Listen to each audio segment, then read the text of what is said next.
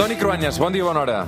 Bon diumenge, Roger. Avui se't farà llarg el dia, que avui dobles, eh? Tinc, tinc Avui- moltes ganes de, de veure-us aquesta nit amb els enviats especials de TV3 i Catalunya Ràdio Ucraïna.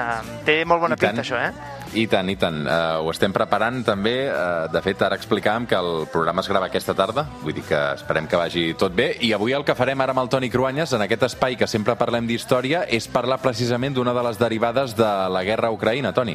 Aquesta setmana ho ha posat claríssim Joe Biden. Ens donava aquesta idea del que ja podem dir que és també una guerra no només amb armes convencionals, sinó també una guerra energètica. Today, I'm announcing the United States is targeting the main artery of Russia's economy. We're banning Els últims anys, Rússia, Toni, ha fet servir el petroli i el gas per enriquir-se, sobretot venent-lo a Occident. Avui ens preguntem per què tenim tanta dependència energètica del petroli. A veure, la resposta ràpida és sobretot pels cotxes, per la indústria, per les calefaccions que ens fan dependents del petroli.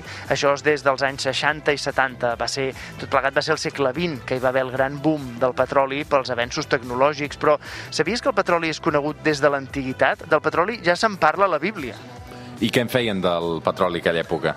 A l'actual Iran hi ha pous de petroli documentats de 500 anys abans de Crist. Diuen que el feien servir per fer asfalt o per construir cases, com a dissolvent, fins i tot, o com a betum. De fet, segons la Bíblia, Noé va impermeabilitzar amb betum de petroli l'arca per fer front al diluvi universal. Parlem de l'arca de Noé. També es veu que els xinesos ja buscaven petroli sota terra amb canyes de bambú i el feien servir per cremar i com a enllumenat de les cases.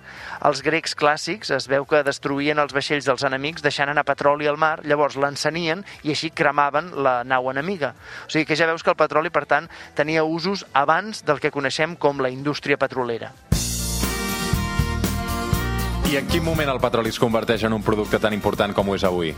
A veure, el primer pou nord-americà el va fer Edwin Drake a Oil Creek, a Pensilvània, l'any 1859. I, en paral·lel, un escocès, James Young, va descobrir que es podia refinar la parafina del petroli per fer-ne uns olis lleugers que utilitzaria per cremar làmperes i després un altre oli menys refinat que serviria per lubricar maquinària. Això va ser l'inici de les utilitzacions modernes del petroli. El gran descobriment va ser després la invenció del motor de combustió interna, que és el que explica que s'utilitza com a combustible, el petroli i els derivats, per als cotxes. El consum massiu del segle XX i, i el fet que tothom tingui cotxe eh, van de la mà precisament del petroli.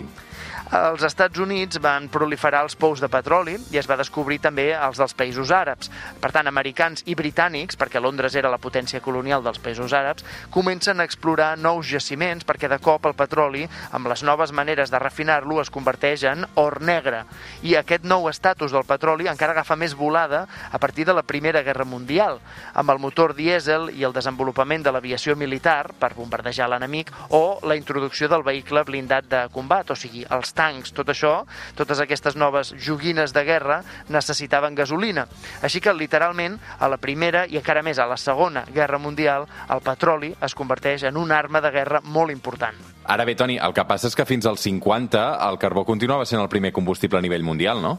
Sí, i, i aquí va haver-hi la substitució d'un per l'altre. Va ser amb el creixement massiu del consum per part de la població occidental després de la postguerra, de la Segona Guerra Mundial, que el petroli va convertir-se en un bé tan important. Hem explicat alguna vegada que els països productors, especialment Aràbia Saudita, els Estats Units i Rússia, van maniobrar perquè no es desenvolupessin alternatives, com per exemple el cotxe elèctric, que podia haver començat ja a funcionar a principis del segle XX i no va ser.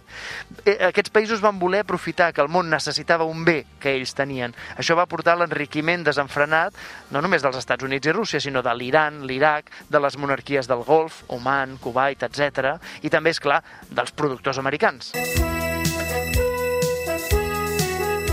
I aquesta és la melodia de Dallas, que era un gran exemple de com unes poques famílies americanes va, es van fer multimilionàries amb tot això del petroli, no?